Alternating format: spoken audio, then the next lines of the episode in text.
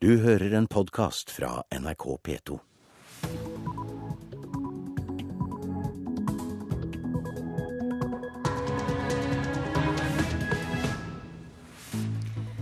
Velkommen til Nyhetsmorgen. Klokka er 6.30. Programleder i dag er Anne Jetlund Hansen, og dette er hovedsakene den neste halvtimen.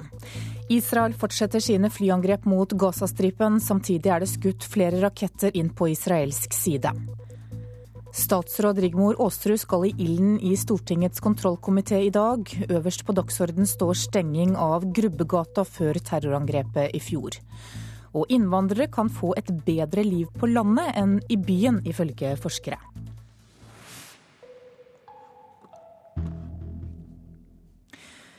Israelske fly har i dag morges angrepet Gaza by og flere andre mål på Gazastripen. En talsmann for Innenriksdepartementet i Gaza by sier at det har vært 130 angrep i løpet av natten. Samtidig er det skutt elleve raketter fra Gaza og inn i Israel i løpet av natten.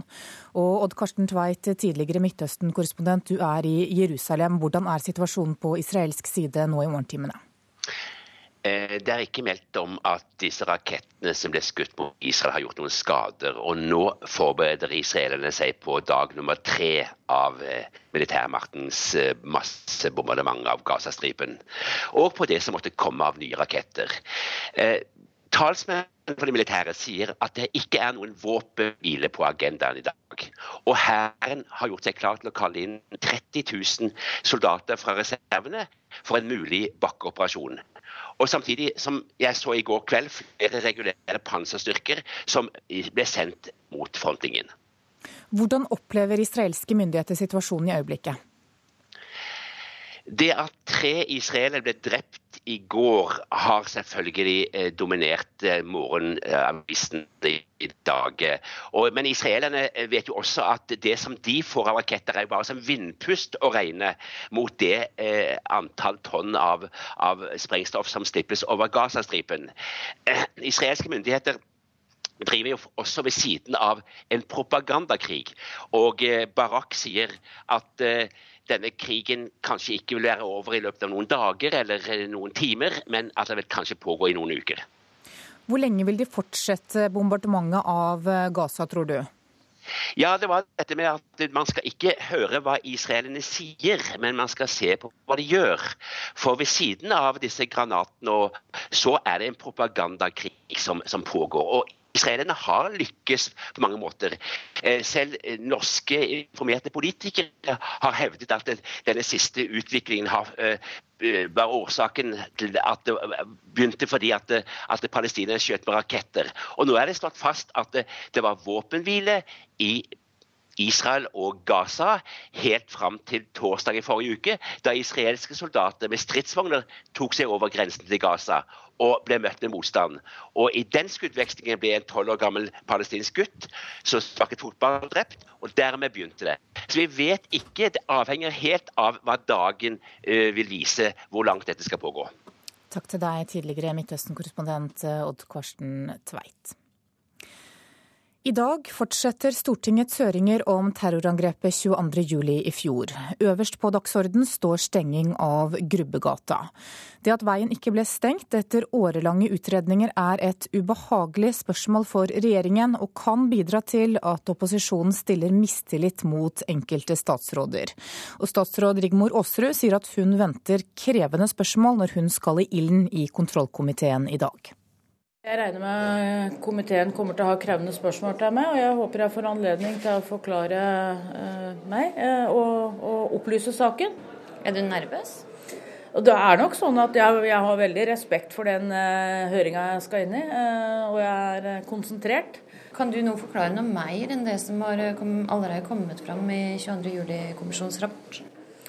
Jeg håper at uh, høringa vil bidra til at vi kan utdype noen av elementene fra kommisjonsrapport. Uh, med uh, Knytta til de opplysninger som vi har kjent over. Det er jo et omfattende materiell som komiteen har bedt om å få fra oss på forhånd. Du er blitt skylda for ikke å ha visst om hva framsvarsområdet du har som minister, og for å skyve ansvaret nedover. Er dette anklager du håper å få forsvart for høringa?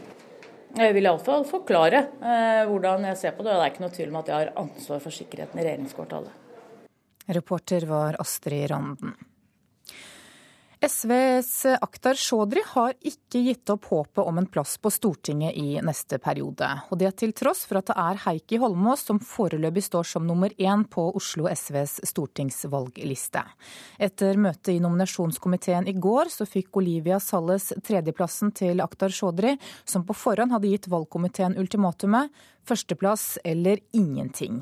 Og Den 4. desember så avgjøres det hele på nominasjonsmøtet i Oslo SV, og der lover Chaudhry å gi Holmås kamp om førsteplassen. Jeg har tillit i partiet, og jeg har tillit i nominasjonskomiteen, og jeg vet at jeg har tillit blant, eh, blant eh, medlemsmassen på grasroten. Nå er det opp til eh, medlemmene å bestemme, og jeg er veldig glad for at vi har et medlemsdemokrati. De vet best hvem som kan tjene vår by og vårt land, og jeg gleder meg til eh, medlemsmøtet den 4. desember. Det sa Akhtar Sjådri, og det blir mer om nominasjonene i Politisk kvarter klokka 7.45, Per Arne Bjerke. Ja, for det er ikke bare i SV det er kamp om plassene. I flere partier og i flere fylker står sentrale politikere i fare for å bli vraket. I Oslo må partiveteranen Marit Nybakk slåss for gjenvalg. Nominasjonskomiteen klarte ikke å bli ferdig i går kveld. Og senere i dag får Kristelig Folkepartis nestleder Dagrun Eriksen avgjort sin politiske fremtid på nominasjonsmøtet i Vest-Agder KrF. Får hun fornyet tillit, eller blir hun kastet? Dagrun Eriksen og Marit Nybakk kommer til Politisk kvarter. Dessuten skal vi få høre foreløpig siste kapittel om soppen og frosken som stoppet veien i Fett kommune. Nå har kommunen likevel fått ja til å bygge. Og Det blir det altså mer om klokka 7.45. Innvandrere som kommer til Norge kan få et bedre liv på landet enn i byene. Det viser en ny studie fra Norsk institutt for by- og regionforskning. Studien viser også at mange norske utkantkommuner er helt avhengige av innvandrere for å holde folketallet oppe og hjulene i gang. Veldig mange opplever at de lettere kan få sted å bo. Det er rimeligere å bo i distriktene. De kan eh, få mer De blir sett Eh, som det mennesket de er. Mens i mange byer så opplever de at de bor i gettoer, eller at de ikke får kontakt med lokalbefolkning. Det sier Ådne Aasland, seniorforsker ved Norsk institutt for by- og regionforskning. Forskerne har intervjua innvandrere i tre norske distriktskommuner. Tynset, Haram og Vestvågøy. Og studien viser at innvandringen faktisk er høyere i Distrikts-Norge enn i byene, sier Oddland. Ja, Relativt sett så er den. Den vokser raskere i distriktene. Det har den gjort de siste årene. Eh, grunnen er at eh, vi har et veldig godt eh, arbeidsmarked i distriktene. Det har vært behov for arbeidskraft, sånn at man ser veldig mange arbeidsinnvandrere som kommer og flytter til hvor det er ledige jobber. Og du, du, sa det også rett ut her at innvandrerne redder folketallet i norske distriktskommuner? Man kan i hvert fall se det sånn, ja. Studien ble presentert på et innvandringsseminar på Tynset i går, med deltakere fra en rekke kommuner i Hedmark og Trøndelag. Innvandringa er i dag kjempeviktig for å møte det sterke arbeidskraftbehovet som finnes i veldig mange distriktskommuner i dag. Marianne Solbakken er seniorrådgiver ved Distriktssenteret, en statlig etat for distriktsutvikling. Det er de som har bestilt studien, og hun sier at lokalsamfunnene nå, ikke bare i Hedmark, men i hele landet, bør bruke resultatene til å trekke til seg flere innvandrere. Og prøve å få dem til å bli boende. Veldig mange kommuner har i dag et sterkt fokus på å rekruttere folk, men de har ikke samme sterke fokuset på å beholde folk. Så det største og kanskje viktigste som må gjøres i tida framover, det er å sette fokus på det å, å beholde folk. Ikke alt koster veldig mye penger, men det handler om en bevisstgjøring og en holdningsendring. Og vi må gjøre en innsats for at folk skal trives. Og reporter her var Joar Elgåen. Da skal vi ta en kikk på dagens aviser, og situasjonen på Gazastripen preger flere av forsidene i dag. Midtøsten holder pusten, skriver Aftenposten. Det var omfattende bombing av Gazastripen i går kveld, nå er det frykt for bakkekrig. Barn i bomberegn, skriver Klassekampen. En tidligere ordfører i Gaza by forteller at barna er vettskremte etter at Israel har skutt raketter. Frykt for ny storkrig, fastslår Dagsavisen. For eh, første gang når raketter fra Gaza inn i israelske storbyer, og israelske myndigheter varsler kraftigere motangrep mot Gaza. I VG så står den tidligere kona til Odd Børretzen fram i dag. Hun forteller at han forsøkte å gi henne et siste kyss før han døde. Kaffe bremser diabetes, skriver Dagbladet. Avisa gir deg en fasit på hvor mye du må drikke for å få til det. Dagens Næringsliv eh, forteller at eurobonuskundene nå står i kø hos SAS for å få brukt poengene sine. Flyselskapet skylder bonusreiser for over 1 milliard kroner. Kommunene kan havne i Hellas-fella, skriver Vårt Land. Gjelden i Kommune-Norge har økt kraftig, og 47 kommuner må nå ha statlig godkjenning for å få låne mer penger.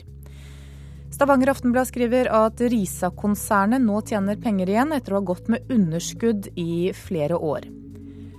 Bergensbanen er kjipest, dyrest og treigest, fastslår Bergensavisen. Omdømmeekspert sier at når produktet NSB leverer blir dårligere, så svekkes også omdømmet. Åndenes nye makt er overskriften i Morgenbladet. Hver femte nordmann tror på gjenferd, og snart er husrens like vanlig som tepperens. Og Nasjonen forteller i dag at 29 år gamle Per Magnus Verdal fra Inderøy i Nord-Trøndelag er kåret til årets unge bonde.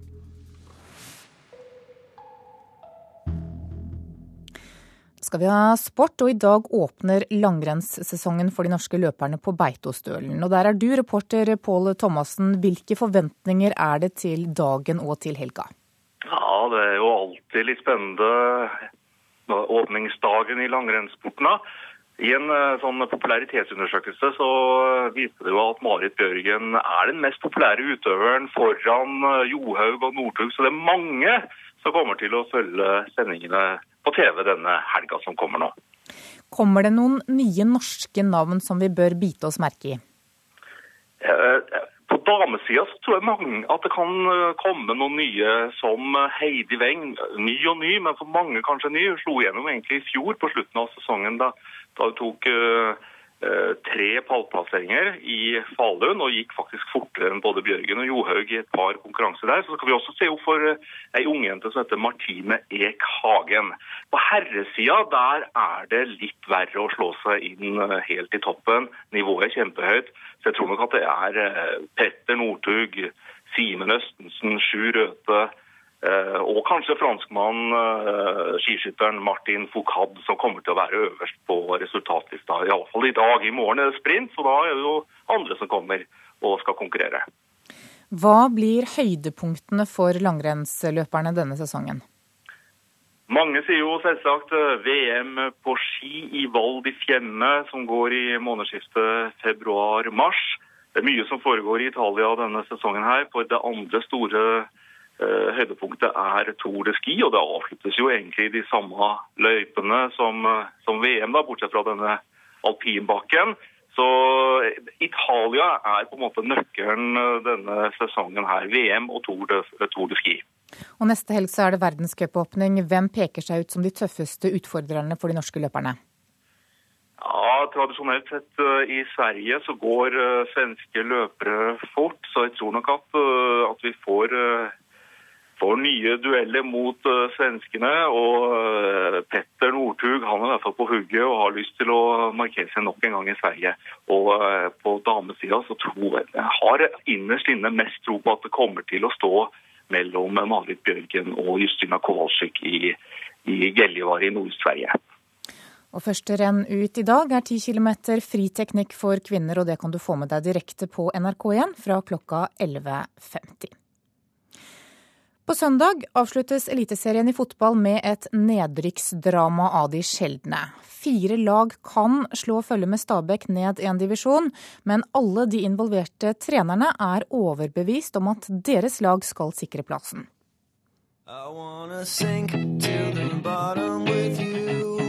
Det er mye som står på spill i Eliteserien på søndag.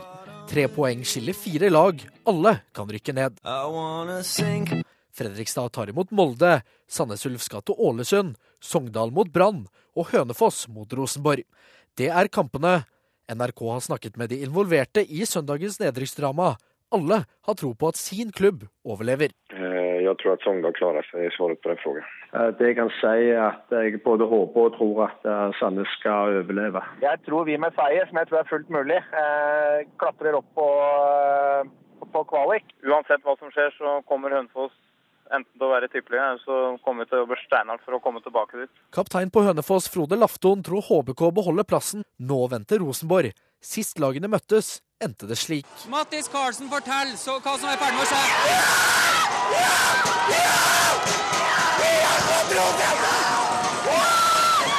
HBK sjokkerte og vant på Lerkendal. Hvis Hønefoss eh, skulle bli det laget som eksempelvis da rykker rett ned, så vil helt sikkert de være det laget som vil være mest skuffa. NRKs fotballekspert Karl Petter Løken liker at det er spenning i siste serierunde. Men det er klart det er voldsom nerve knytta til de, det som skjer i bunnstriden, så det er morsomt at det er jevnt eh, helt inn. Jeg tror at uh, Sogndal og Fredrikstad blir de to lagene som blir henholdsvis nest sist og tredje sist. Sogndals trener Jonas Olsson tror klubben overlever, men er ikke redd for et eventuelt nedrykk. Det skulle ikke være noen uh, katastrofe om vi skulle rykke ned, men uh, ambisjonen er at vi skal spille Tippeligaen, og jeg tror at vi løser det. så Vi har ikke tenkt så mye på det. Sandnes Ulf har imponert i sesongavslutningen. 5-1-seire over både Fredrikstad og Tromsø på hjemmebane. I tillegg til at Godset ble slått 2-1 i forrige serierunde, og dermed lever optimismen. Søndag skal det avgjøres. Fredrikstad har minst poeng, dårligst målforskjell og må sannsynligvis ta tre poeng mot seriemester Molde. Skulle FFK gå ned, kommer det ikke som noe overraskelse på ekstrener Tom Freddy Aune, som fortsatt har et hjerte som banker for FFK. Jeg, klart, jeg ga jo noen signaler når jeg trakk meg i førsten av mai måned. her, sånn, Det har ikke vært noen lett sesong for, for oss som har jobba i Fredrikstad fotball. Det er såpass ærlig med å være. Og reporter her, det var Patrick Steen Roblands. Du hører på Nyhetsmorgen i NRK P2 og Alltid nyheter. Klokka er 6.47, og dette er hovedsaker i nyhetene i dag. Israelske fly har gjennomført 130 angrep mot Gazastripen i løpet av natten, ifølge myndighetene i Gaza by. Stenging av Grubbegata står øverst på dagsordenen når Stortingets høringer om terrorangrepet 22.07 fortsetter i dag. Og Gründere i Tromsø vil ta opp konkurransen med Apple og lanserer Tromsøs eget nettbrett, nemlig Tpad.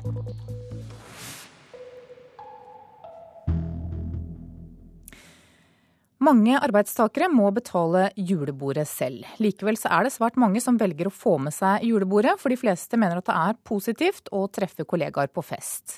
Arbeidsforskningsinstituttet i Oslo mener kommunene burde være mer spandable, for ifølge instituttet er nemlig julebord en billig måte å motivere de ansatte på.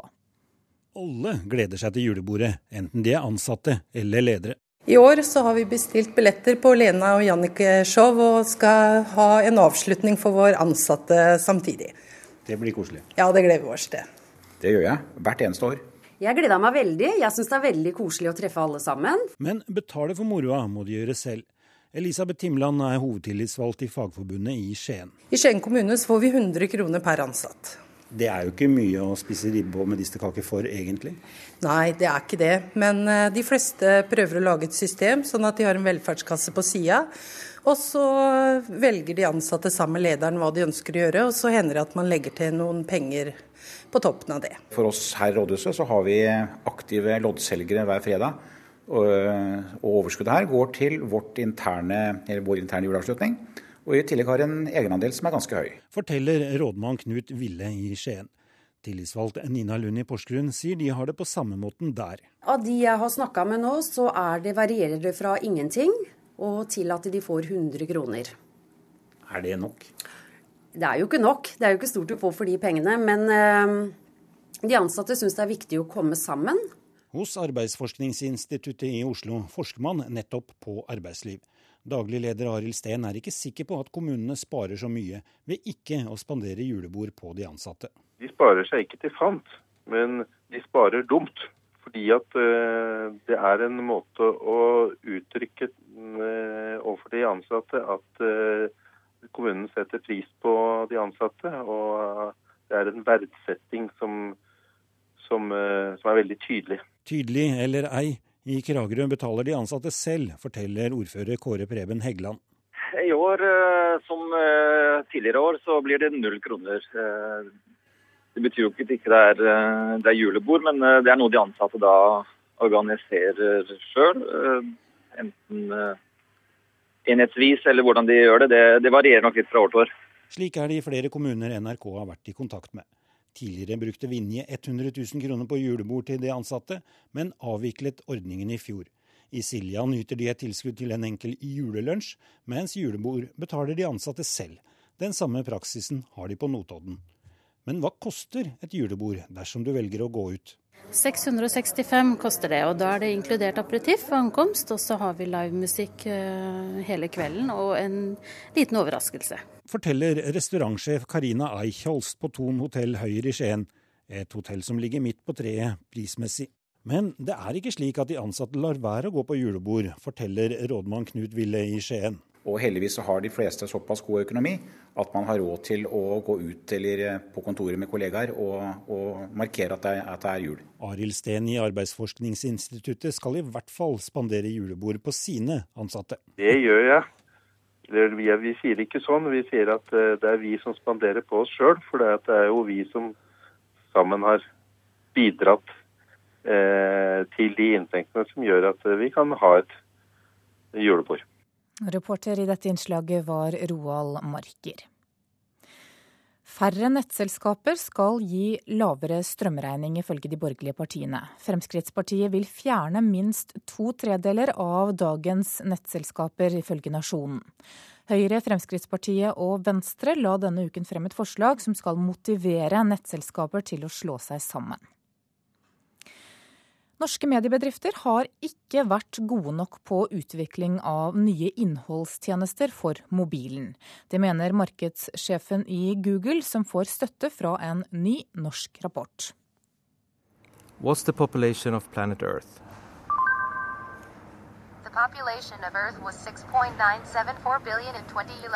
Richard Steiber tester ut siste nyvinning på sin mobil. Markedsdirektøren i Google er på en sjelden norgesvisitt. Han følger mobilmarkedet i Norge tett. Jeg så data her nå at i, i Norge så har 66% av alle mobiltelefoner er smartphones i dag. Og ni eh, ut av ti eh, mobiltelefoner som selges, er nå smartphones. Han mener norske mediebedrifter ligger langt bak i utviklingen av ny teknologi ment for mobilen. Jeg tror at eh, det finnes mye kvar å gjøre. Eh, jeg tror at eh, just eh, den sosiale dimensjonen, den interaktive dimensjonen, tror jeg er interessant både for eh, aviser, ikke bare for, for annonsører, men også at få inn leserne i produkten og ha diskusjon om, om ulike spørsmål. Nei, Jeg deler Steibers vurdering at eh, norske mediedrifter har vært eh, sene og lite innovative når det gjelder å utnytte mobilplattformen. Alf Lande er direktør i selskapet LAK 2.0, et konsulentbyrå som hjelper norske selskaper med overgangen fra papir til nett og andre plattformer. Han mener norske medier ikke har utnyttet potensialet nye plattformer som mobil og nettbrett gir. De har på en måte brukt den gamle oppskriften, at dette på en måte er en, eh, er en eh, klassisk eh, internettsituasjon igjen.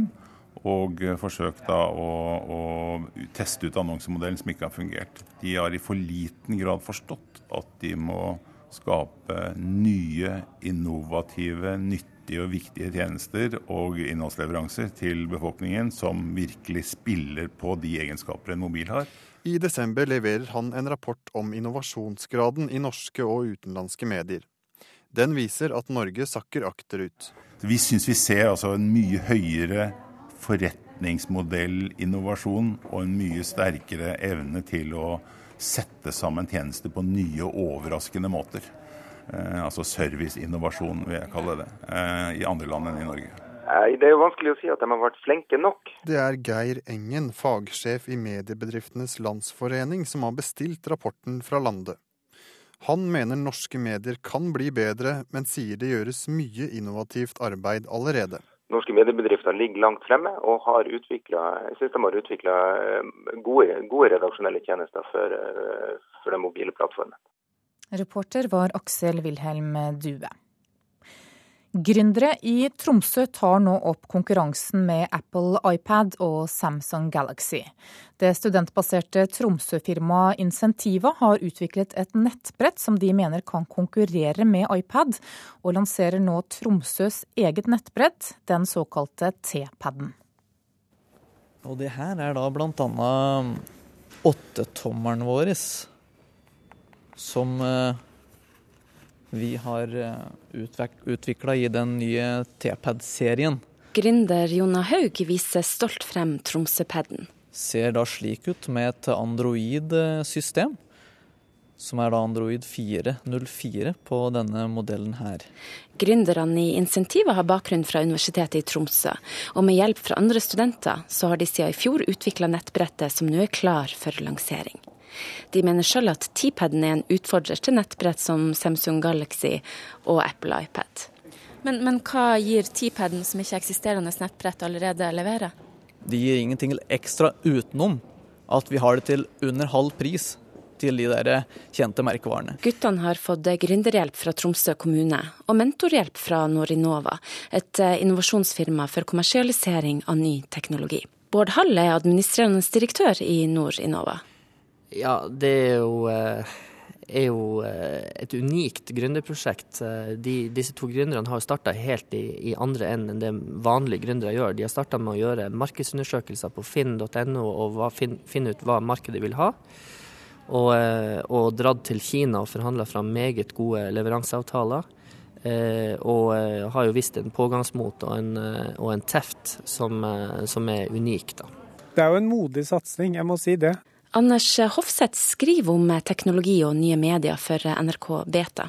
Så vidt jeg vet, så er det er nok i hvert fall det første nordnorske nettbrettet. Eh, jeg tror også det er det første nettbrett, norske nettbrettet i moderne tid. Men kan en Tromsøpad konkurrere med en iPad?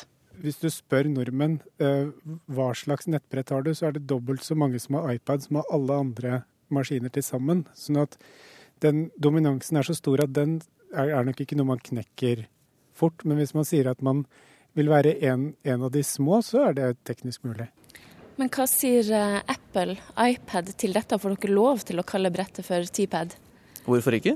Ingen reaksjoner på det? Det skulle vel ikke være noen grunn til at man ikke skal bruke bokstaven T, tenker vi da. Det er ikke noe som har falt meg inn engang. Reporter i Tromsø var Karoline Rugeldal.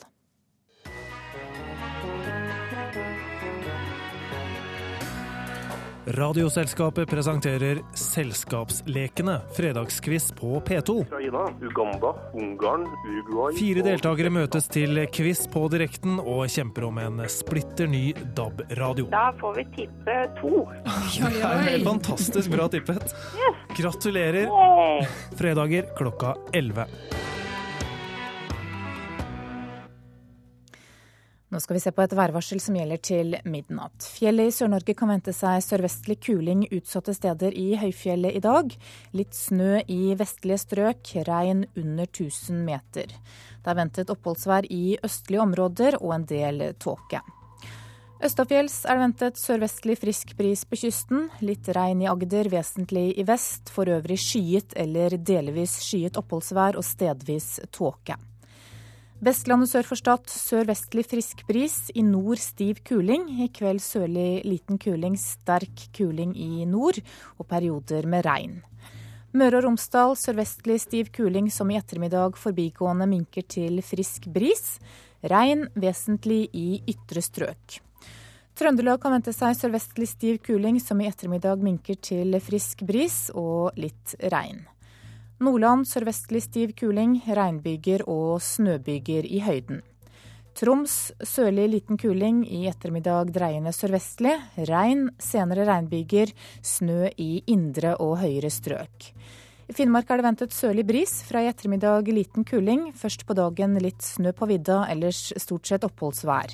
I kveld sørvestlig liten kuling og enkelte regnbyger på kysten i vest. Og på Nordensjøland på Spitsbergen er det ventet nordøstlig frisk bris i dag, delvis skyet oppholdsvær. Så tar vi med noen temperaturer som ble målt klokka fire. Da hadde Svalbard lufthavn minus åtte grader, Kirkenes minus sju. Vardø én plussgrad, Alta minus to, Tromsø-Langnes fire, Bodø fem. Brønnøysund 6, Trondheim-Værnes 5, Molde 7, Bergen-Flesland 9, Stavanger 9. Kristiansand-Kjevik 4, Gardermoen 1, Lillehammer minus 3 og Røros minus 4. Og på Oslo-Blindern så var det null grader klokka fire i dag morges. Og Når det gjelder utsiktene framover, så er det altså ventet litt stigende temperatur i Nordland, Troms og Vest-Finnmark. Ellers i landet omtrent uendrede temperaturforhold i dag. Du hører en podkast fra NRK P2.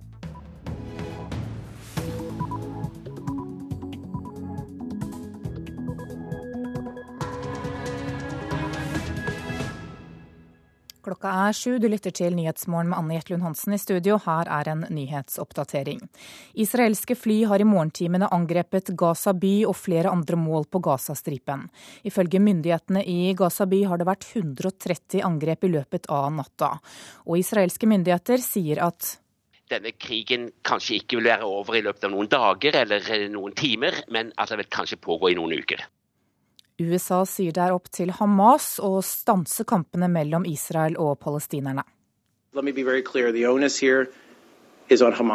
Talsmann Mark Toner i det amerikanske utenriksdepartementet legger all skyld på palestinske Hamas. Arbeiderpartiet mener de er i ferd med å vinne kampen mot EØS-motstanderne i fagbevegelsen. Det er feil, sier Jan Olav Andersen i LO IT-forbundet. Jeg registrerer at motstanden er sterk ute blant eh, folk på byggeplasser og i klubber rundt om i landet. Det pågår tøffe møter mellom SAS-ledelsen og fagforeningene. Både i Danmark og i Sverige meldes det om at fagforeningene sier nei til det de oppfatter som et ultimatum fra ledelsen. Hjertepasientene blir ofret av sykehusledelsen i Oslo. Det mener en tidligere direktør ved Ullevål sykehus. Ullevål har kunnet operere disse pasientene. De har dokumentert at de er kvalifisert for å operere disse pasientene, men har av administrative grunner ikke fått lov til å gjøre det. Og dette har øket risiko for disse pasientene. Det sier den tidligere direktøren ved hjerte- og lungesenteret, Mons Lie. Israelske fly har i dag tidlig gjennomført flere angrep mot mål inne på Gazastripen. Hamas sier at en bygning tilhørende det palestinske innenriksdepartementet er et av stedene som er truffet. Ifølge Hamas er 19 palestinere drept i angrepene, flere av dem er barn. Ifra et høydedrag fanger telelinsen inn bombene mens de slår ned i Gaza by. Flere steder ser man først et brått, kraftig lys som flammer til. Deretter sort røyk. Øyenvitner forteller at de israelske bombene også har rammet posisjoner som blir brukt av militante palestinske grupper, som fortsetter å skyte raketter inn i Israel. Ifølge Israel er det siden onsdag skutt 280 raketter fra Gaza mot Israel. Det israelske militæret har klart å skyte ned 130 av disse. Egypts statsminister Hisham Kandil besøker Gaza i dag for å vise solidaritet med Hamas. Israel har lovet at han ikke skal bli rammet av noe israelsk angrep under besøket. Det sa utenriksmedarbeider Philip Lote. Midtøsten-korrespondent Sigurd Folkenberg Mikkelsen, du er i Gaza. Det har altså vært 130 angrep i natt. Hvordan er situasjonen der du er nå? Her er det ikke mange som har fått eh, noe særlig eh, søvn i natt. Det har vært et uh, konstante angrep, massive angrep. Hotellet hvor jeg bor har ved flere anledninger ristet av disse eksplosjonene. Og de fortsetter nå i morgentimene. Det har hørt flere eksplosjoner her nå, og også sett raketter bli skutt opp fra palestinsk side. Hva sier Hamas at de skal gjøre videre nå? Er de innstilt på å fortsette kampene? Eh, vi hører ikke noe annet fra Hamas' eh, side. Statsminister Ismail Haniyeh var på fjernsyn eh, i går. Vi har også Islamic Jihad, en annen gruppe, som jo tok ansvaret for å skyte disse rakettene mot Tel Aviv. Og for dem også så er det fortsatt kamp som gjelder. Hvor lenge har Hamas råd til å fortsette å sende raketter mot Israel?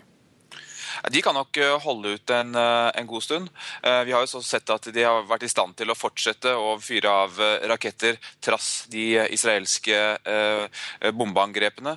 Slik at de kan nok fortsette en god stund. Spørsmålet er hvor lenge de er villige til å betale prisen, og også hvilket, hvilke storpolitiske press som eh, etter hvert legges både på dem og på israelerne. Eh, det blir et viktig besøk når Hisham Kandil, den egyptiske statsministeren, kommer hit. Eh, brorskapet som nå styrer Egypt, har jo et helt annet forhold til Hamas enn det tidligere president Hosni Mubarak hadde. Så det er en helt ny politisk situasjon vi har her i Midtøsten nå. Hva må til da for at kampene skal stoppe? Eh, alt tyder på at disse kampene kommer til å fortsette en eh, god stund eh, nå. Men det er stort sett eh, kjente løsninger. Det handler om å legge press på partene eh, via de internasjonale støttespillerne. USA på den ene siden, Egypt eh, kanskje på den andre siden, som kan, som kan spille en rolle her. Og Så må det jo også etter hvert komme til en vilje til å, å, begrense angrepene. Men akkurat nå er det ikke tid for det. Nå virker det som det er tid for å kjempe på, på, på begge sider her. Det har jo vært mye snakk om frykt for et eventuelt bakkeangrep. Hvor godt rustet er palestinerne for det? Altså, eh, jeg tror israelerne nok, eh, ble nok noe overrasket da de rykket inn eh, i 2008-2009 på hvor hard motstand de fikk når de rykket inn. Og jeg tror nok israelerne vil foretrekke å bombe fra luften. Gaza er også ganske flatt og dermed, dermed jeg, vel egnet for luftangrep. Mens det tette by Eh, bybebyggelsen som er her, eh, gjør det, gjør det vanskelig å drive bakkekrig uten, store, eh, uten, uten massive aksjoner. Slik at jeg tror Israelerne vil nok forsøke å holde seg i luften så lenge de kan. Men de har vært veldig tydelige også overfor meg når jeg har snakket med IDF, at hvis de må, så går de inn. USA sier nå at det er opp til Hamas å stanse kampene mellom Israel og palestinerne. FNs sikkerhetsråd holdt et hastemøte onsdag kveld etter luftangrepene, men uten å foreta seg noe overfor partene.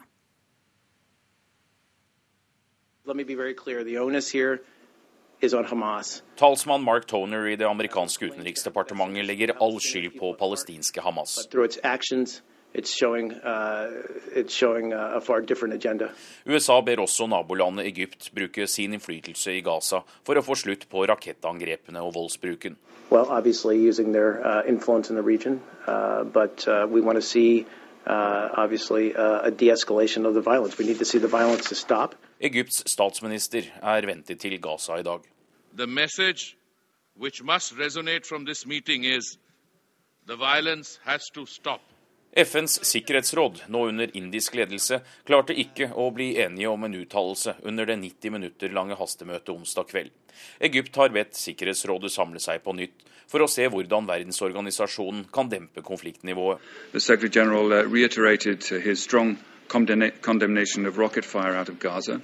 He called for the parties to exercise the utmost restraint. Ammunition coming in and weapons from Iran Israels FN-ambassadør Ron Proser sier at en rekke land forsyner Hamas med våpen, og at Israel kommer til å forsvare seg. Den palestinske FN-ambassadøren Riyad Mansour er overbevist om at Israels krigføring mot Gaza er et forsøk på å spolere eller ta oppmerksomheten bort fra palestinernes ønske om å bli tatt opp som ikke-statlig medlem av FN. Part of the timing of the attack by the Israelis on Gaza is trying to divert attention away from our energies in mobilizing the entire international community to support our effort.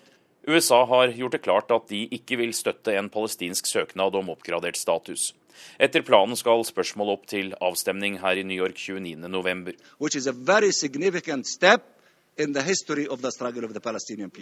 Skulle palestinerne bli tatt opp som ikke-statlig medlem, har de rett til å bli medlem av andre institusjoner, som f.eks. Den internasjonale straffedomstolen, hvor palestinerne kan legge inn krav mot Israel. Fredsforhandlingene har stått på vent i over to år, og palestinerne bruker nå FN i et forsøk på å få realisert planene om en selvstendig palestinsk stat. Oppgradert status i FN er ett skritt på veien. Anders Tvegård, New York. Her i studio er du kommandørkaptein Ola Bø Hansen ved Forsvarets eh, høgskole. For snart fire år siden så holdt israelerne på rundt en uke med luftangrep før de satte inn eh, bakkestyrker. Hvordan vurderer du muligheten for at vi kan vente oss noe av det samme denne gangen? Ja, Foreløpig ser det ut som at det er en ren gjentagelse av hva som skjedde fire år siden. Eh, jeg hadde nok ikke trodd at det ville på en måte gå så langt, at det ville fortsette nå utover.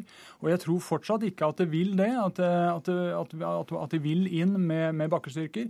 At de vil øke volds- og brutalitetsnivået så høyt, slik at de får eh, den internasjonale eh, fordømmelsen mot seg.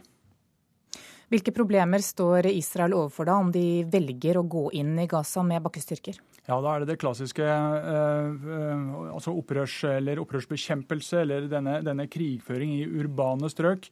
Eh, det er jo altså opprøreren, da, hvis vi ser på, ser på Hamas som det her i dette tilfellet, trekker da eh, styrker de vil da altså befeste seg i eh, bebygde områder for dermed å trekke israelerne inn og angripe de der hvor, hvor da israelerne blir mest eh, sårbare. Et klassisk altså scenario i så scene. Hva kan du si om styrkeforholdet mellom den israelske hæren og Hamas? Israel er uten tvil eh, militært sett helt overlegen i dette, dette scenarioet. Eh, og, og, så her er det bare det er egentlig opp til de hvor mye, hvor langt dette her eh, vil komme til å gå. For fire år siden så kom det massiv kritikk fra store deler av verden fordi de sivile tapene var så store. Er det mulig å ramme Hamas militært uten å ramme barn og sivilbefolkningen ellers? Vi så altså de innledende timene av, av, dette oppgjøret. Eh, så greide de altså med presisjonsvåpen å, å, ta, altså, å ramme Hamas, både i deres militære leder eh, så vel som noen av disse våpenlagrene. Eh, eh, man kunne også fortsatt eh, tenke seg å bruke presisjonsvåpen i så henseende, men, men, det er klart det blir veldig vanskelig. Gaza, Gaza by spesielt, er veldig tettbebygget. Altså, det er jo over halvannen million mennesker som bor på denne lille stripa, så det er klart det er vanskelig å drive, drive krigføring. Vi snakket med Midtøsten-forsker Dag Tuvastad i går, han sier at en eventuell invasjon av Gazastripen kan bli mer eh, blodig enn Israels invasjon i 2008-2009, da rundt 1300 palestinere ble drept. Hvordan vurderer du det? Ja, det kan det selvfølgelig bli. Eh, men altså, som sagt, jeg tviler på at det vil gå så langt eh, så at vi kommer opp i denne type situasjon.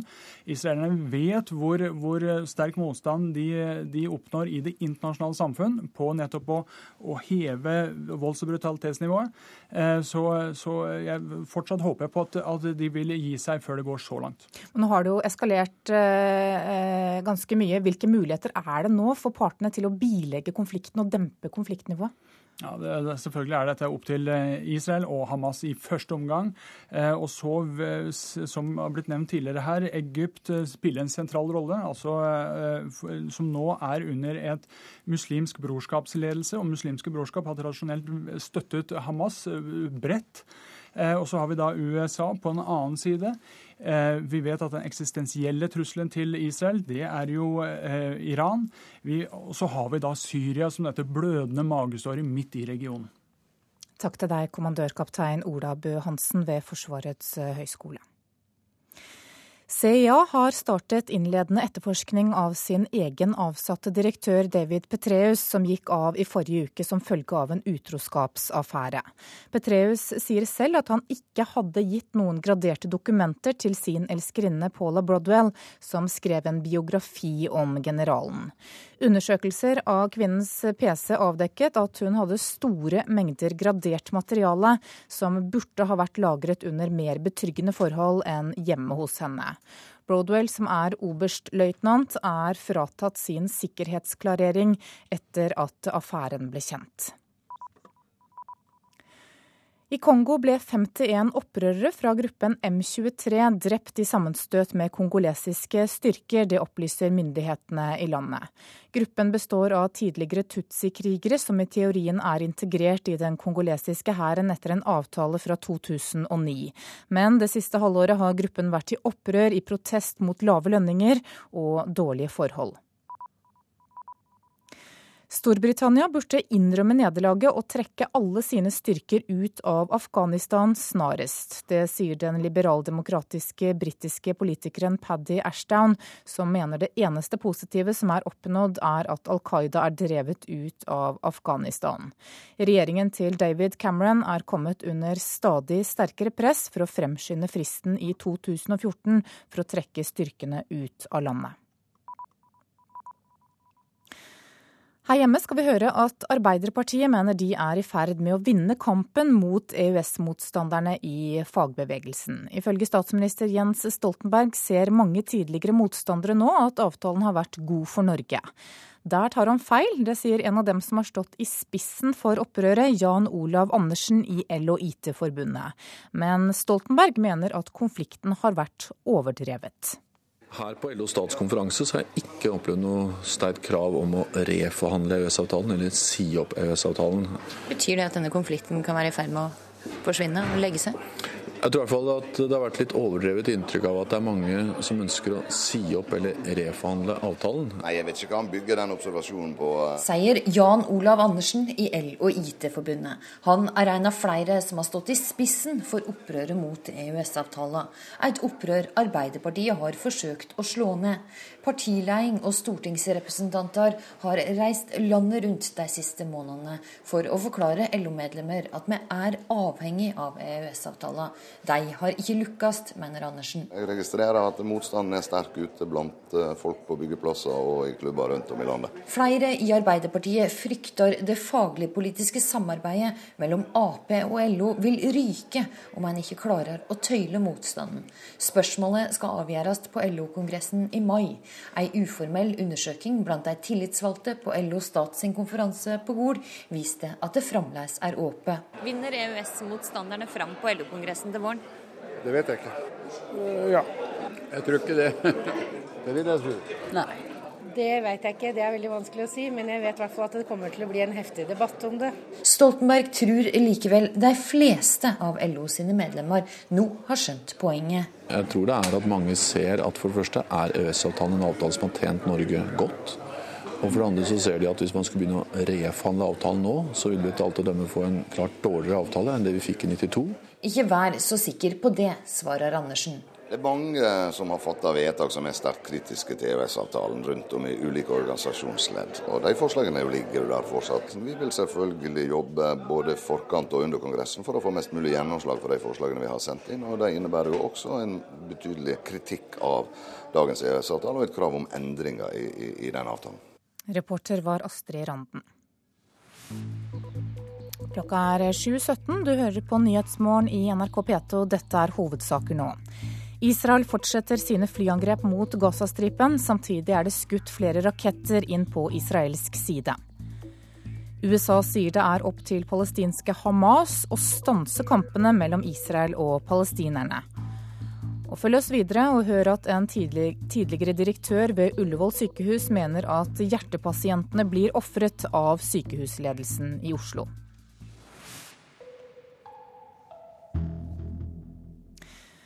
Men først skal det handle om SAS, for det er nå en skjebneuke for flyselskapet. Innen søndag så må alle fagforeningene gå med på tøffe kutt i lønn og pensjon. Ellers så får ikke SAS de lånene de er helt eh, avhengige av. Og reporter Linda Reinholdsen, hva er siste nytt i møtene med fagforeningene? Danske og svenske medier melder om ganske tøffe møter med en fastlåst situasjon. Både Eh, I, der så melder fagforeningene eh, at de sier nei til det de oppfatter som et ultimatum fra ledelsen. Vi kan her høre tillitsvalgt i den danske fagforeninga Jean-Pierre Schumburg høre hva han eh, mener. Seriøs virksomhet som SAS med en toppledelse på det nivå og omgå spillereglene på arbeidsmarkedet, den danske modell. via avtalepart CAU. De tilsidesetter alle spilleregler på det danske arbeidsmarkedet. Ja, for det er jo ikke normalt at det gjøres sånn på denne, på denne måten i arbeidslivet, men SAS-ledelsen sjøl har fått kniven på strupen av de som sitter på pengesekken. Så nå er de ansatte under voldsomt press. Enten må de godta drastiske lønnskutt, eller så går SAS konkurs. Hva sier de norske fagforeningene? De virker litt mer diplomatisk. De som vi har snakka med, sier det er mye følelser og at det er tøft, men at de forstår alvoret. De er villige til å ofre mye for et selskap som de er stolt av og sine arbeidsplasser. Det er altså åtte fagforeninger som må si ja. Gjør de det? Ja, hvis én av dem sier nei, så er det nok til å velte hele redningsplanen. SAS får ikke lånene de er helt avhengig av for å kunne fortsette, så nå er de inne i den mest alvorlige krisa i flygiganten sin historie. Og søndag får vi svaret på hva som skjer. Men hva er det de ansatte må gå med på? Det er usedvanlig tøffe kutt i lønninger og pensjon det er snakk om for mange av dem. I snitt så kuttes lønna til de som flyr med 12% I tillegg så får de en mye dårligere pensjon, og de må jobbe mer. SAS må altså kutte 3 milliarder svenske kroner i utgifter og selge unna for like mye. Blant annet skal de selge Widerøe og bakkemannskapene. Hvordan påvirker det billettsalget til selskapet nå når folk ikke vet om de går konkurs eller ikke? Ja, nå er det mange som eh, rett og slett ikke tør å kjøpe flyreisen sin hjem til jul eh, eller andre turer. Reisebyrået forteller om at folk prøver å bytte til andre flyselskap hvis de allerede har kjøpt en eh, SAS-billett. Og det her kan føre til en enda raskere konkurs. Og det er nettopp derfor SAS-ledelsen har gitt de ansatte kun ei uke på å godta det her nettopp for å fjerne usikkerheten. SAS har jo kuttet kostnader i mange år nå, men situasjonen ser bare ut til å bli verre og verre. Hvorfor det? Professor Siri Pettersen Strandenes ved NHH i Bergen sammenligner kostnadskuttene eh, og det SAS har holdt på med, eh, som å løpe etter et mål som stadig er i bevegelse. I utgangspunktet, og da snakker jeg tilbake før eh, konkurransen i luftfarten ble sterk, og før lavprisselskapene kom sterkt inn, så selv da lå SAS i det øvre sjiktet eh, med sine kostnader. Så har eh, SAS redusert, spesielt i de siste årene, kostnadene betydelig. Men det har også alle de andre selskapene gjort, for de har møtt konkurransen fra lavprisselskapene. Så spørsmålet er jo da om SAS klarer å kutte såpass mye at de klarer å henge med de andre selskapene. Takk til deg, økonomimedarbeider Linda Reinholdsen. Hjertepasientene blir ofret av sykehusledelsen, det mener en tidligere direktør ved Ullevål sykehus. Denne uka har NRK fortalt at flere planlagte operasjoner ved Ullevål er blitt avbrutt, og at pasientene deretter er blitt flyttet til operasjonskø på Rikshospitalet. Den tidligere direktøren ved hjerte- og lungesenteret Mons Lie krever nå at klinikksjefen forklarer det han mener er sannheten bak de avbrutte operasjonene. Ullevål har kunnet operere disse pasientene. De har dokumentert at de er kvalifisert for å operere disse pasientene, men har av administrative grunner ikke fått lov til å gjøre det. Og dette har øket risiko for disse pasientene. NRK fortalte tirsdag historien om hjertepasient John Curry, som lå operasjonsklar på Ullevål sykehus da han ble vekka fra narkose og sendt til overfylte Rikshospitalet. Her måtte han vente ei uke på operasjon. Dagen etter operasjonen dør Curry. Årsaken til at hun da ble avbrutt, var at man ikke hadde planlagt dette godt nok, selv om man da hadde hatt god tid på seg. Sa klinikksjef Otto Smiseth tirsdag om hvorfor operasjonen ble avbrutt. Dette opprør Mons Lie, som fra 2002 til 2006 var direktør ved hjerte- og lungesenteret på Ullevål. I et personlig brev ber han klinikksjefen innrømme at operasjonen ble avbrutt som en del av en strategi om å flytte denne typen hjertekirurgi til Rikshospitalet. Jeg syns det er forferdelig trist når det kommer frem beskyldninger om at veldig habile, høyt kvalifiserte kirurger går til operasjon uten å være godt planlagt. Og det opprører meg. Både Ullevål sykehus og Rikshospitalet inngår i Oslo universitetssykehus, og hjerte- og lungekirurgi foregår ved begge avdelingene. Nå er det planlagt at de mest komplekse hjerteoperasjonene skal gjøres ved Rikshospitalet. I en pressemelding sier sykehuset at begrunnelsen for dette er at man vil bedre kvaliteten ved at operasjonsteamet på Rikshospitalet får større erfaring med komplekse pasienter. Men dette mener Lie er å ofre pasientene. Fordi at man har begrenset rent administrativt muligheten for Ullevål sykehus til å foreta enkelte operasjoner så har disse pasientene blitt liggende og vente på Ullevål på at det skal bli kapasitet på Rikshospitalet, som ikke har denne kapasiteten. Klinikksjef Otto Smiseth har ikke ønska å la seg intervjue av NRK om kritikken fra den tidligere direktøren. Det sa reporter Steinar Rosta Breivik. Da skal vi ta en kikk på dagens aviser, og situasjonen på Gazastripen preger flere av forsidene i dag. Midtøsten holder pusten, skriver Aftenposten. Det var omfattende bombing av Gazastripen i går kveld, nå er det frykt for bakkekrig. Barn i bomberegn, skriver Klassekampen. En tidligere ordfører i Gaza by forteller at barna er vettskremte etter at Israel har skutt raketter. Frykt for ny storkrig fastslår Dagsavisen. For første gang nå raketter fra Gaza inn i israelske storbyer, og israelske myndigheter varsler kraftigere motangrep mot Gaza. Den tidligere kona til Odd Børretzen står fram i VG i dag. Hun forteller at han forsøkte å gi henne et siste kyss før han døde. Kaffe bremser diabetes, skriver Dagbladet. Avisa gir deg en fasit på hvor mye du må drikke for å få til det. Dagens Næringsliv forteller at eurobonuskundene nå står i kø hos SAS for å få brukt poengene sine. Flyselskapet skiller bonusreiser for over 1 milliard kroner. Kommunene kan havne i Hellas-fella, skriver Vårt Land. Gjelden i Kommune-Norge har økt kraftig, og 47 kommuner må nå ha statlig godkjenning for å få låne mer penger. Bergensbanen er kjipest, dyrest og treigest, fastslår Bergensavisen. Omdømmeekspert sier at når produktet NSB leverer blir dårligere, så svekkes også omdømmet. Åndenes nye makt er overskriften i Morgenbladet. Hver femte nordmann tror på gjenferd, og snart er husrens like vanlig som tepperens.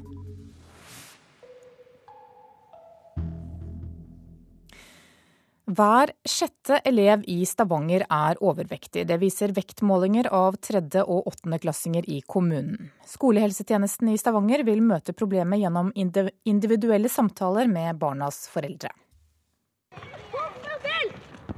Jeg er jo bekymra, fordi at eh, når vi blir overvektige, så går det utover vår helse. Både fysiske helse og psykiske helse. Helsemessig så er det ikke bra for unger, og noen for noen å være overvektige. Så det tenker at det er viktig at vi får gjøre noe med. Det sier hovedtillitsvalgt for helsesøstrene i Stavanger, Dagny Øyseth, om tallene som nylig kom fram etter at 3000 tredje- og åttendeklassinger i Stavanger ble målt i forrige skoleår. Resultatene forteller oss at vi har en, en del barn og unge som er overvektige. Ca. 15-16% av tredje- og åttendeklassebarn er overvektige i Stavanger kommune. Tallene i Stavanger er identiske med tallene på landsbasis, som sier at norske barn blir stadig tyngre. For én av fem åtteåringer sliter med overvekt og fedme. Det har derimot ikke skolene skylda for, mener Merete Handegård Skeie i Utdanningsforbundet i Stavanger. Utdanningsforbundet er nok eh, tydelige på at hovedansvaret her selvsagt er foreldrene. Det er det nok ingen tvil om. Men det er klart, i og med at uh, elevene i dag er lenge på skolen, de har en lang skoledag, og de har en lang uh, dag kanskje på SFO. Da er det viktig at det er gode arenaer for å få dette på plass og få gjort noe med dette. Da er det viktig at kvaliteten og innholdet i den dagen er bra. Vi skal selvfølgelig ta vår del av ansvaret her, men dette er en sak som skolen må ha hjelp til eh, hvis en skal få gjort noe med det. Det sier skolesjefen i Stavanger kommune, Eli Gundersen. Men det som er veldig viktig for meg å uttrykke, det er det at skolen alene ikke kan ha ansvar for all negativ samfunnsutvikling. Skolen alene kan ikke være samfunnsmedisin. Flere har tatt til orde for at skolene må ha mer gym inn i timeplanen. Arbeiderpartiet har bl.a. satt et mål om én gymtime om dagen. Så enkelt er det ikke, ifølge skolesjefen. Det har vært stilt eh, krav til at vi bør ha mer fysisk aktivitet i skoletida. Og det er selvfølgelig vi beretter i Stavanger skole òg. Men hvis mer skal inn i skolen, så må noe ut. Eh, det er fullt, og da er det et spørsmål hva skal ut. Det er et faglig spørsmål. Og det er et holdningsspørsmål, et politisk spørsmål. Med unntak av det prisbelønte Stavanger-prosjektet Livsstilsskolen, ønsker nå Øysæd i skolehelsetjenesten tettere oppfølging av elever som blir veid som overvektige. Da er de nesten avhengig av å få de fem ekstra stillingene som rådmannen har foreslått i budsjettet for neste år. For Da har vi sjanse til å gjøre måling og veiing av elever på tredje og åttende trinnet. Og da vil vi kunne se hvem av elevene som er overvektige. Og så kan vi gi veiledning og råd til elevene. og vi kommer òg til å ta kontakt med foreldrene der vi ser at de er overvektige, og der vi tilbyr samtale og veiledning. Det sa helsesøster Dagny Øysed til reporter Morten Vik Larsen. Du hører på Nyhetsmorgen i NRK P2. Neste punkt på, programmet her nå er Dagsnytt med Anne Skårseth. I dagens utenriksreportasje etter det så skal vi høre mer om amerikanske maktmenns kvinnehistorier, som nok en gang har stjålet oppmerksomheten i USA denne uka. Produsent for sendingen i dag heter Sjan Erik Bjørnskau, og her i studio Anne Jetlund Hansen.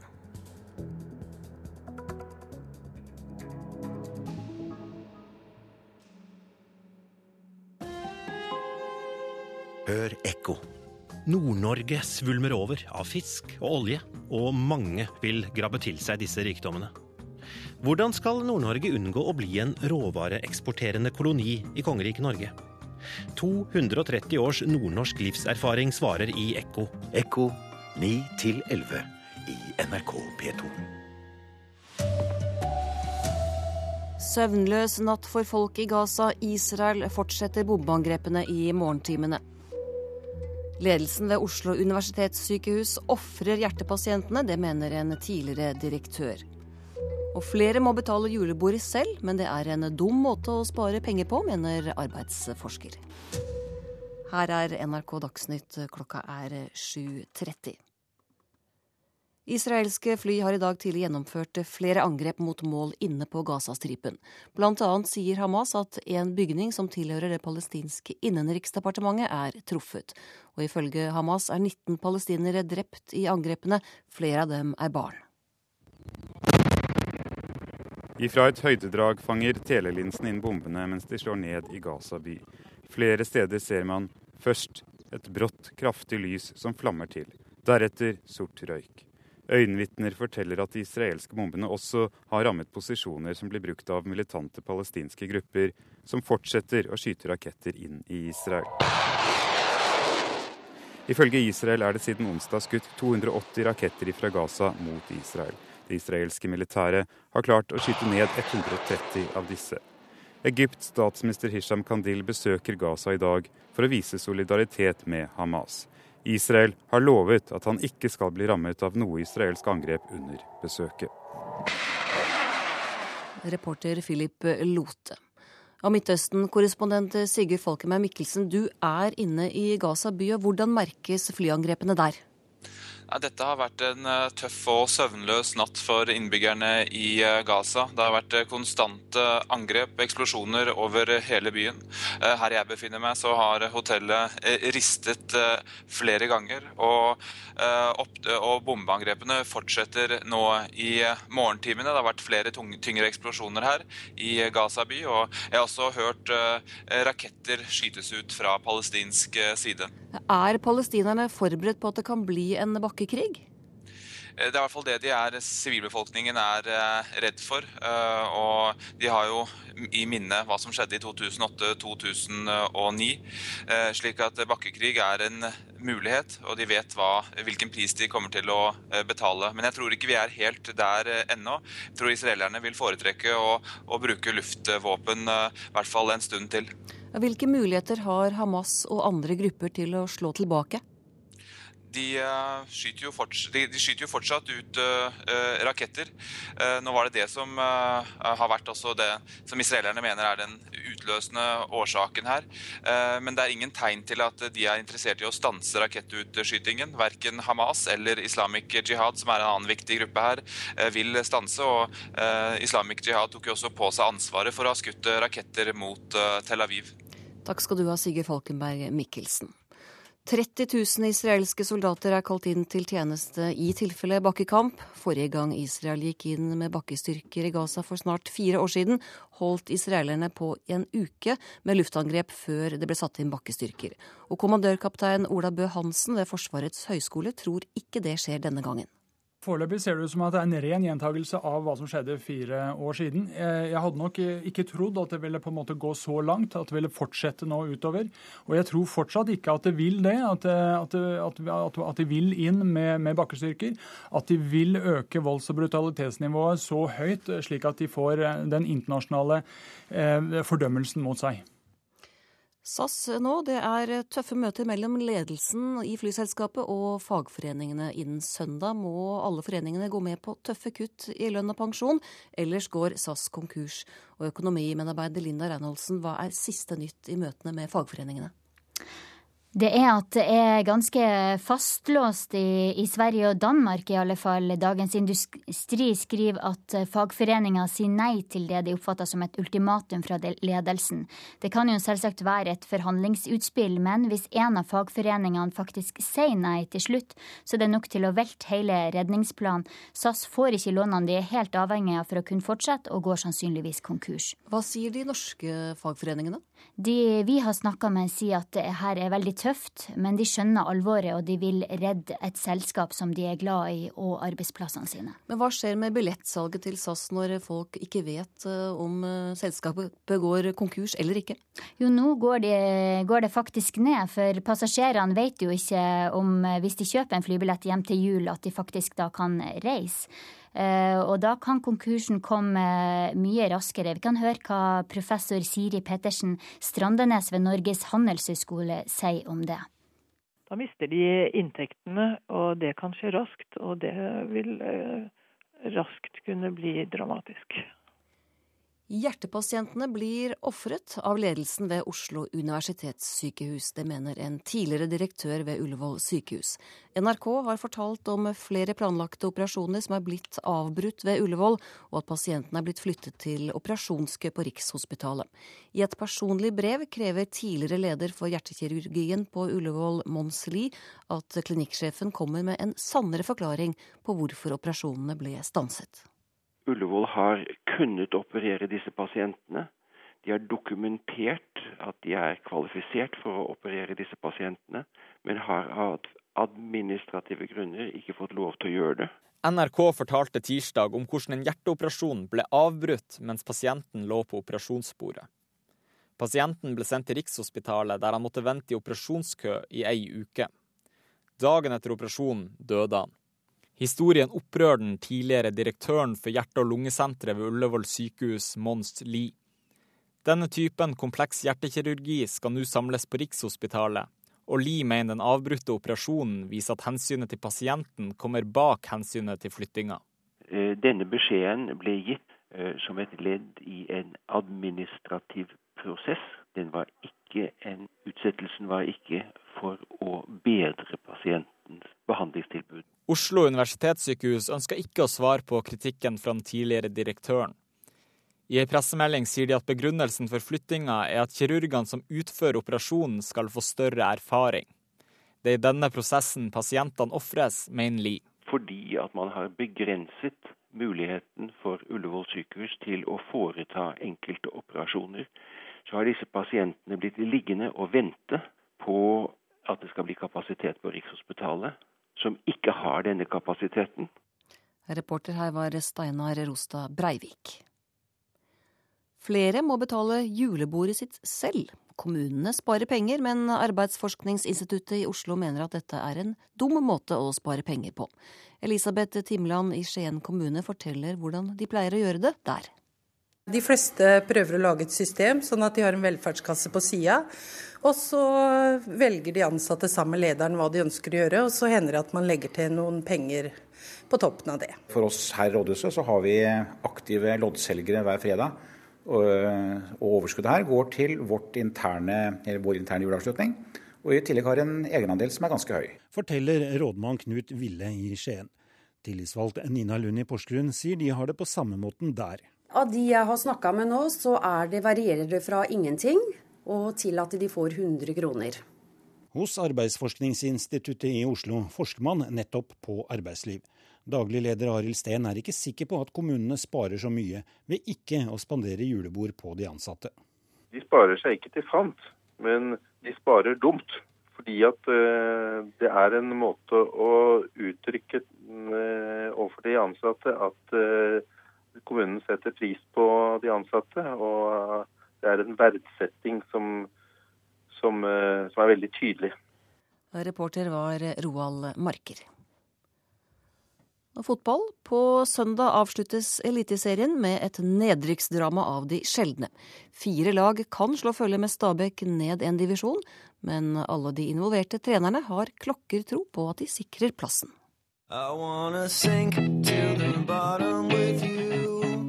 Det er mye som står på spill i Eliteserien på søndag. Tre poeng skiller fire lag. Alle kan rykke ned. NRK har snakket med de involverte i søndagens nedrykksdrama. Alle har tro på at sin klubb overlever. NRKs fotballekspert Karl Petter Løken liker at det er spenning i siste serierunde. Jeg tror at uh, Sogndal og Fredrikstad blir de to lagene som blir henholdsvis nest sist og tredje sist. Reporter her var Patrick Steen Rolands. Og vi tar også med at uh, i formiddag starter langrennssesongen med renn på Beitostølen for norgeseliten. Ansvarlig for sendingen i dag har vært eh, Arild Svalbjørg, teknisk ansvarlig Hanne Lunås, og her i studio Anne Skårseth.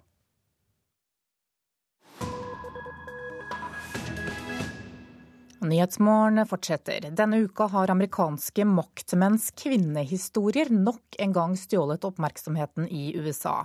Men kvinner i amerikansk politikk driver med langt mer enn utroskap. Etter valget har de vunnet kraftig terreng i Washington, og mange venter spent på hvor det vil føre USA videre. Thank you, Senator Claire McCaskill hadde all grunn til å si wow på valgnatta. Gjenvalget hennes hang i en svært tynn tråd da valgkampen startet. For Missouri er en ganske så republikansk delstat. Og McCaskill var en av dem som ble båret inn i Senatet i 2006 på en bølge av motstand mot George W. Bush. Men i august i år stilte motkandidaten hennes opp i et TV-intervju. It seems to me, all, from what I understand from doctors Todd Aiken ble verdensberømt for sine uttalelser om abort. If it's a legitimate rape, uh, the female body has ways to try to shut that whole thing down. But let's assume that Han påsto at en kvinne ikke kan bli gravid etter en voldtekt, og introduserte begrepet legitim voldtekt for amerikanerne. Aikens uttalelser ødela ikke bare for ham selv. De bidro til at mange kvinner i USA vendte seg bort fra det republikanske partiet. You know,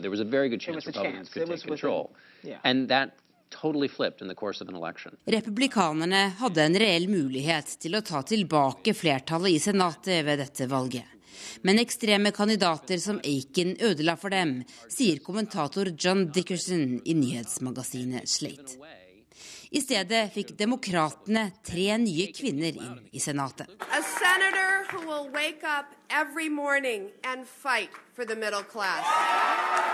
En av dem, Tammy Baldwin fra Wisconsin, er til og med lesbisk.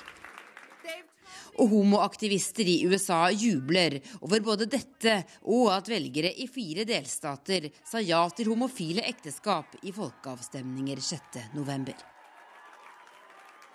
Kvinneandelen i amerikansk politikk er langt lavere enn i mange andre vestlige land. Men årets valg markerer et skille.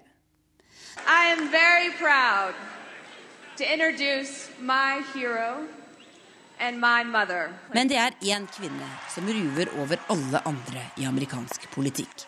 Og mange har allerede satt tallet 2016 bak navnet hennes. Yesterday, our US diplomatic post in Benghazi, Libya, was attacked. Hillary Clinton går snart av som utenriksminister. Hun har ikke hatt ferie på tolv år, sier hun, og trenger en pause. Gang på gang har hun sagt at hun ikke vil stille som presidentkandidat igjen. Men oppfordringene om at hun må gjøre nettopp det, kommer fra stadig flere hold. Denne uka meldte mangemilliardær og rikssynser Warren Buffett seg på. Uh, Vi har ingen som er bedre kvalifisert enn Hillary, sa Buffett til CNN på onsdag. Hillary Clinton vil være 69 år i 2016, men hun vil til gjengjeld ha gjort det aller meste en kan gjøre i amerikansk politikk. Hun har vært førstedame, senator, presidentkandidat og utenriksminister. Det er tøft å nå toppen som kvinne i USA. Det viste nominasjonskampen for fire år siden med all tydelighet. Hillary Clinton er den eneste som kan bryte gjennom det ultimate glasstaket, sier mange amerikanske kvinner. Og det var Tove Bjørgaas som hadde laget denne reportasjen. Klokka nærmer seg 7.44. Dette er hovedsaker i Nyhetsmorgen. Angrepene fortsetter på Gazastripen, og både Israel og palestinerne trapper opp konflikten. Det pågår tøffe møter mellom ledelsen i SAS og fagforeningene. Ledelsen ved Oslo universitetssykehus ofrer hjertepasientene. Det mener en tidligere direktør ved Ullevål. Og Heikki Holmås har foreløpig gått seirende ut av nominasjonsstriden i Oslo SV, men det er kamp om taburettene i flere fylker, og dette er tema hos deg i Politisk kvarter, Per Arne Bjerke. To sentrale kvinner på Løvebakken står i fare for å miste plassen sin. Begge er gjester i Politisk kvarter.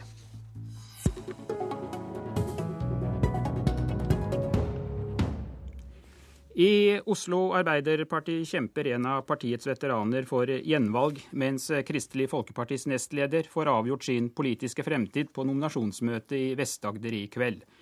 Velkommen til Politisk kvarter, Marit Nybakk og Dagrun Eriksen. Marit Nybakk, du har sittet på Stortinget siden 1986 og er den kvinnen som har vært der lengst siden Anna Rokstad, som kom inn som første kvinne i 1911. Nå er det strid om deg i Oslo Ap, og i går kveld klarte ikke nominasjonskomiteen å bli ferdig med sin innstilling. Hvordan opplever du selv denne situasjonen? Når jeg sa ja til eh, renominasjon, eh, og det var ikke selvsagt, så var det fordi at jeg fikk veldig mange henvendelser fra uh, særlig folk på min egen alder. Det er slik at den velgergruppen som nå har over 60, de trenger også folk å identifisere seg med på partilistene. Eh, så jeg sa derfor ja. Og nå i første runde så eh, står jeg jo på fjerdeplass og aksepterte å gå ned et hakk fordi jeg, den unge AUF-statsråden Hadia Tajik da skulle få annenplassen. Slik at vi sikret også fornyelse.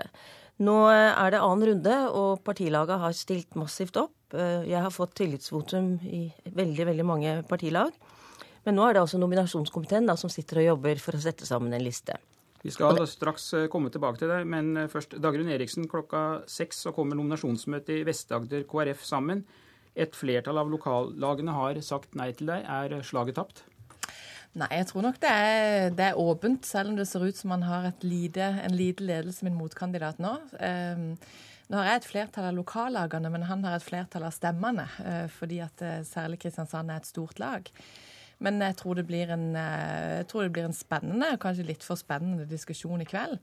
Jeg ser i dagens aviser at det er en, enda nye kandidater som foreslås, og jeg tror det kan bli et eh, Sett med demokratiets øyne et veldig spennende møte i kveld. Sett med oss som er aktører, kanskje litt for spennende. Du står på farten og skal reise til Mandal. Hva vil du si til nominasjonsmøtet når du kommer dit? Nei, altså, jeg har, altså jeg har, For meg så er det to tanker om denne prosessen. Det ene det er litt den personlige prosessen. Det er veldig slitsomt å stå i sånne. Særlig når jeg kanskje vil si at de siste, spesielt de siste to årene så har vel jeg kunnet vise til store resultater i, eh, i partiet, både for Sørlandet og for, eh, for partiet generelt. Men så er det òg noe i meg som syns at det å ha åpne prosesser, at det er lov til å stille motkandidater, og at vi og at det, dette ikke bare er noe som er ferdig bestemt, det tiltrekker seg også av. Så skulle en jo av og til ønske at det var andre som var aktørene i dette enn seg sjøl. Eh, men eh, Så jeg skal være der nede. Jeg kommer til å fighte, eh, for jeg har utrolig lyst til å fortsette å være med på partiets eh, lag. Jeg tror på partiet, og jeg tror på Sørlandet. Hva betyr det for din stilling som nestleder i Kristelig Folkeparti dersom du kastes fra Stortinget? Nei, jeg har ikke begynt å tenke verken plan B, C eller D. Fordi at for meg så er det dette møtet som nå kommer til å sette litt, eh, litt dagsorden. Eh, men det er ikke tvil om at jeg er hekta på KrF, og det er ingen som kommer til å oppleve en eh, Eriksen som kommer til å prøve seg på andre partier eller noe. Jeg er ihuga KrF-er i hjertet og kommer i en eller annen sammenheng til å være med og kjempe for KrF også fremover. Hvis det skulle være sånn at det er ikke meg som står igjen seieren etter denne kvelden. Nå er det altså motkandidaten din, Hans Fredrik Grøvan, som leder før møtet i kveld. Hvilke kvalifikasjoner har du som gjør deg til en bedre kandidat enn han? Altså, jeg, jeg, har bestemt meg for å ikke sammenligne oss som kandidater, men mine kvalifikasjoner det handler om at jeg, har, eh, jeg er den som har lengst erfaring i stortingsgruppa på eh, Stortinget nå, av KrF-erne. Eh, jeg har etablert et ganske stort nettverk, har stor erfaring i hvordan man skal få politiske gjennomslag i det nasjonale. Så tror jeg jeg kjenner Sørlandet veldig godt. Og så tror jeg at det som kanskje også mange trekker fram som, eh, som eh, en av de tingene, at de syns jeg er både ei blid og likelig jente. Så jeg tror det er noen av, de, eh, noen av de tingene som i hvert fall jeg har fått høre gjennom denne prosessen, er det som folk setter pris med meg. Ja, da får vi se om det hjelper om du er blid og likelig når vi kommer til nominasjonsmøtet i kveld. Marit Nybakk, du har vært på Stortinget siden 1986, har passert 65 år. og Hvorfor er det så viktig for deg å fortsette? Jeg har jobbet mye og hardt. Eh, jeg har fått lov til å være med på veldig mye interessant arbeid i Stortinget. Jeg eh, var jo med og eh, utarbeidet planer for både beredskap og forsvar fra 2001 til 2005 etter 9-11. Jeg sitter nå i Stortingets presidentskap og skal være president i Nordisk råd som en del av stortingsarbeidet for neste år. Så jeg har gjort veldig mye. Men jeg mener bestemt at det er veldig viktig at vi også har folk over 60 på listene. Den andelen av velgerne som nå er over 60 år, er sterkt stigende. Og det er en økende frustrasjon også hos veldig mange over at eh, man bare satser på dem som er unge. Det skal vi også gjøre. Eh, I Oslo Arbeiderparti står Hadia Tajik nå på annenplass og kommer til å bli stående der. Eh, det er flere andre unge på lista. Men det er også viktig at det er noen som de over 60 kan identifisere ja. seg med. Ja, for Nå hørte vi jo da i Nyhetsmålet rett før Politisk kvarter at Hillary Clinton seiler opp som en favoritt ved neste presidentvalg i USA. Da vil hun være 69 år. Visepresidenten han er 70 år, uten at alder er noe argument. Hvorfor er det slik i Norge, tror du, at eh, du nærmest er gått ut på dato når du blir så gammel som det du er? Det vet jeg ikke, for det har jeg også spekulert på. Ehm, jeg er ehm, også medlem av Natos parlamentarikerforsamling. Og der er jo de fleste eldre enn meg, for å sette det litt på spissen. Ehm, og jeg leder der den sosialdemokratiske gruppa. Og det virker på meg som om veldig mange andre land verdsetter alder, og også er veldig oppmerksom på at den generasjonen som er født mellom 1945 og 1950 er, eh, eller 60, er den største generasjonen i hele etterkrigstida. Eh, og at eh, det er nødvendig at vi også eh, blir Altså at vi også har en plass som gjør at velgerne kan identifisere seg med oss. Ja. Men Marit Nybakk, når vi ser på lista, så er det jo en del godt voksne folk der. Jan Bøhler er over 60, Jonas Gahr Støre er over 50, og det samme er Jens Stoltenberg. Og har ikke dere et ansvar for å slippe til flere yngre for å sikre rekrutteringen til partiet fremover? Jo, vi må absolutt slippe til de unge på lista. Og det har vi også gjort. Og jeg tror det er viktig med en balanse. Vi skal ha unge AUF-ere. Vi skal ha 40-åringene der. Men vi skal også ha oss over 60. Og jeg tror det er viktig at Oslo Arbeiderparti har noen på sin liste som eh, kvinner over 60 kan identifisere seg med.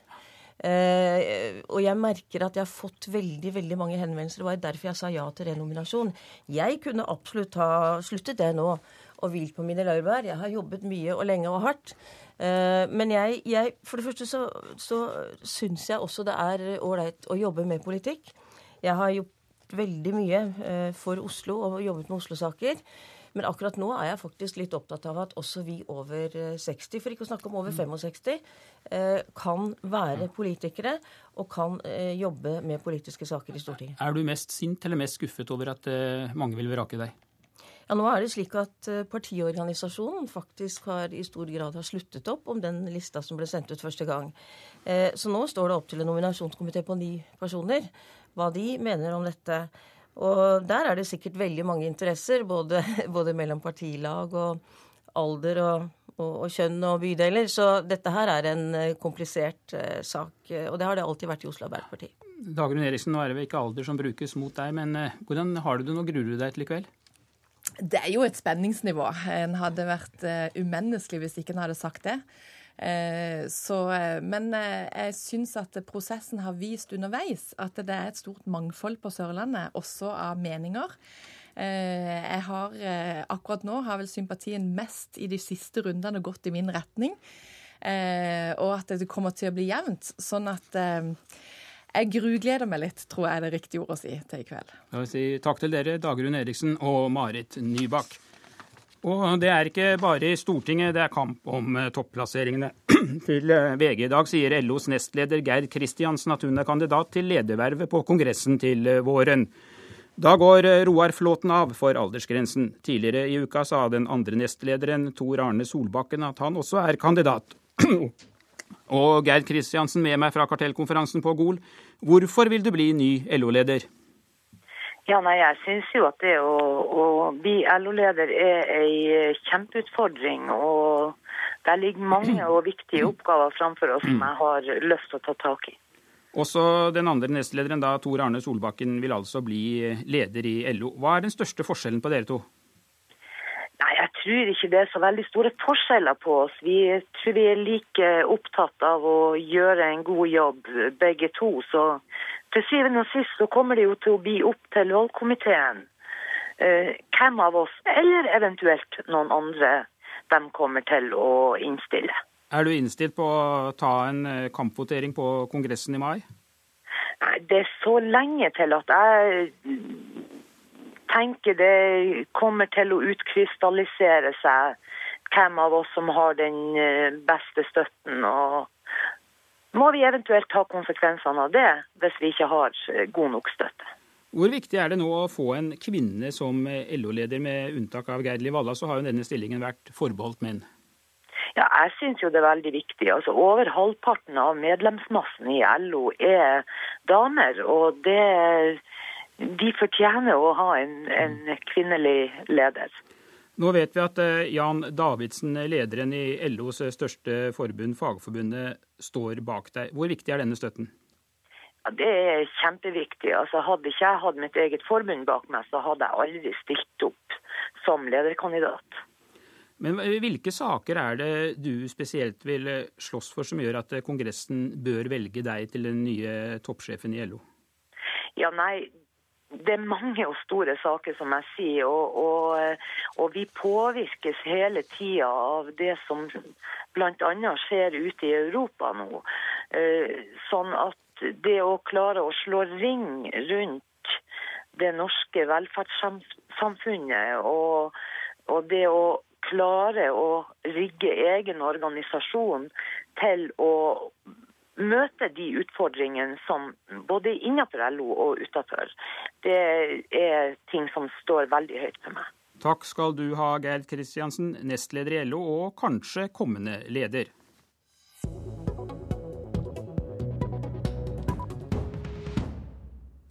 I slutten av september fortalte Politisk kvarter historien om soppen og frosken som skapte store problemer for veiutbyggingen i Fett kommune i Akershus. Først var det den spissnutede og verneverdige frosken Rana arvalis som stanset gravemaskinene. Men problemene stoppet ikke der. Da det skulle bygges en ny lokal vei i Fett sentrum, ble det oppdaget en sopp på en tørr trestubbe, som også var verneverdig. Dermed ble det nye forsinkelser. Men nå har fylkesmannen sagt at nok får være nok, og sopp får være sopp, også i Fett kommune, og innsigelsen er trukket tilbake, leser vi i Romerikes Blad. Gratulerer med dagen, ordfører Jon Harry Skoglund. Tusen takk for det. Dere sliter med noen av de lengste bilkøene i Oslo-området. Hvor store problemer har disse forsinkelsene skapt for dere? Ja, det er klart. Eh, vi snakka jo her om et eh, års tid allerede. Eh, saken kom jo opp i, ble vedtatt i kommunestyret som en del av kommuneplanen i august 2011, og vi har passert november 2012 i dag.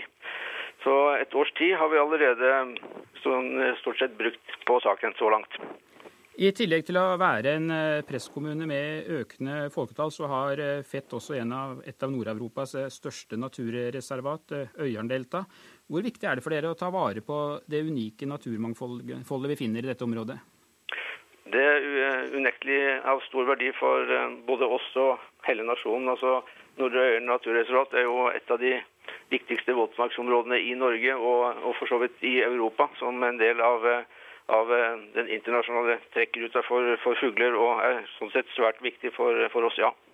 Men her er det altså snakk om en sopp og en frosk som da har ført til store forsinkelser i en viktig veiutbygging. Hvordan opplever du som ordfører gang på gang å bli overprøvd av miljømyndighetene? Ja, Det er jo svært frustrerende når vi sånn sett mener at vi har en god sak sjøl. Og og når eh, da fylkesmannen sier at eh, dette ikke er av eh, sterke samfunnsmessig, har, sterk samfunnsmessig betydning, så er vi jo sterkt uenig i det. Fordi at begge de to hovedproblemene i denne saken her mener vi har sterk samfunnsmessig betydning. Altså at fv. 279, som den nye veien da heter, har, eh, har, en stor effekt i forhold til avlastning av rv. 22, som, som du riktignok påpekte har, eh, har, store problemer i dag, og vil ha det i lang tid framover. Og eh, hvor også Vegvesenet i sin uh, mulighetsstudie påpekte at uh, den nye veien som vi snakker om nå, vil ha betydelig avlastning i forhold til uh, trafikkavviklinga. Ja. Men kan du forstå dem som synes det er viktig å ta vare på både spissnutede frosker og sjeldne sopper? Det kan jeg absolutt forstå, men da må man se det i det rette perspektiv, og, det er vel det vi ser er gjort nå, da. Takk skal du for at, ha for at du var med oss her i Politisk kvarter, ordfører i Fett kommune, Jon Harry Skoglund fra Arbeiderpartiet. Og det var Politisk kvarter. Jeg heter Per Arne Bjerke. Du har hørt en podkast fra NRK P2.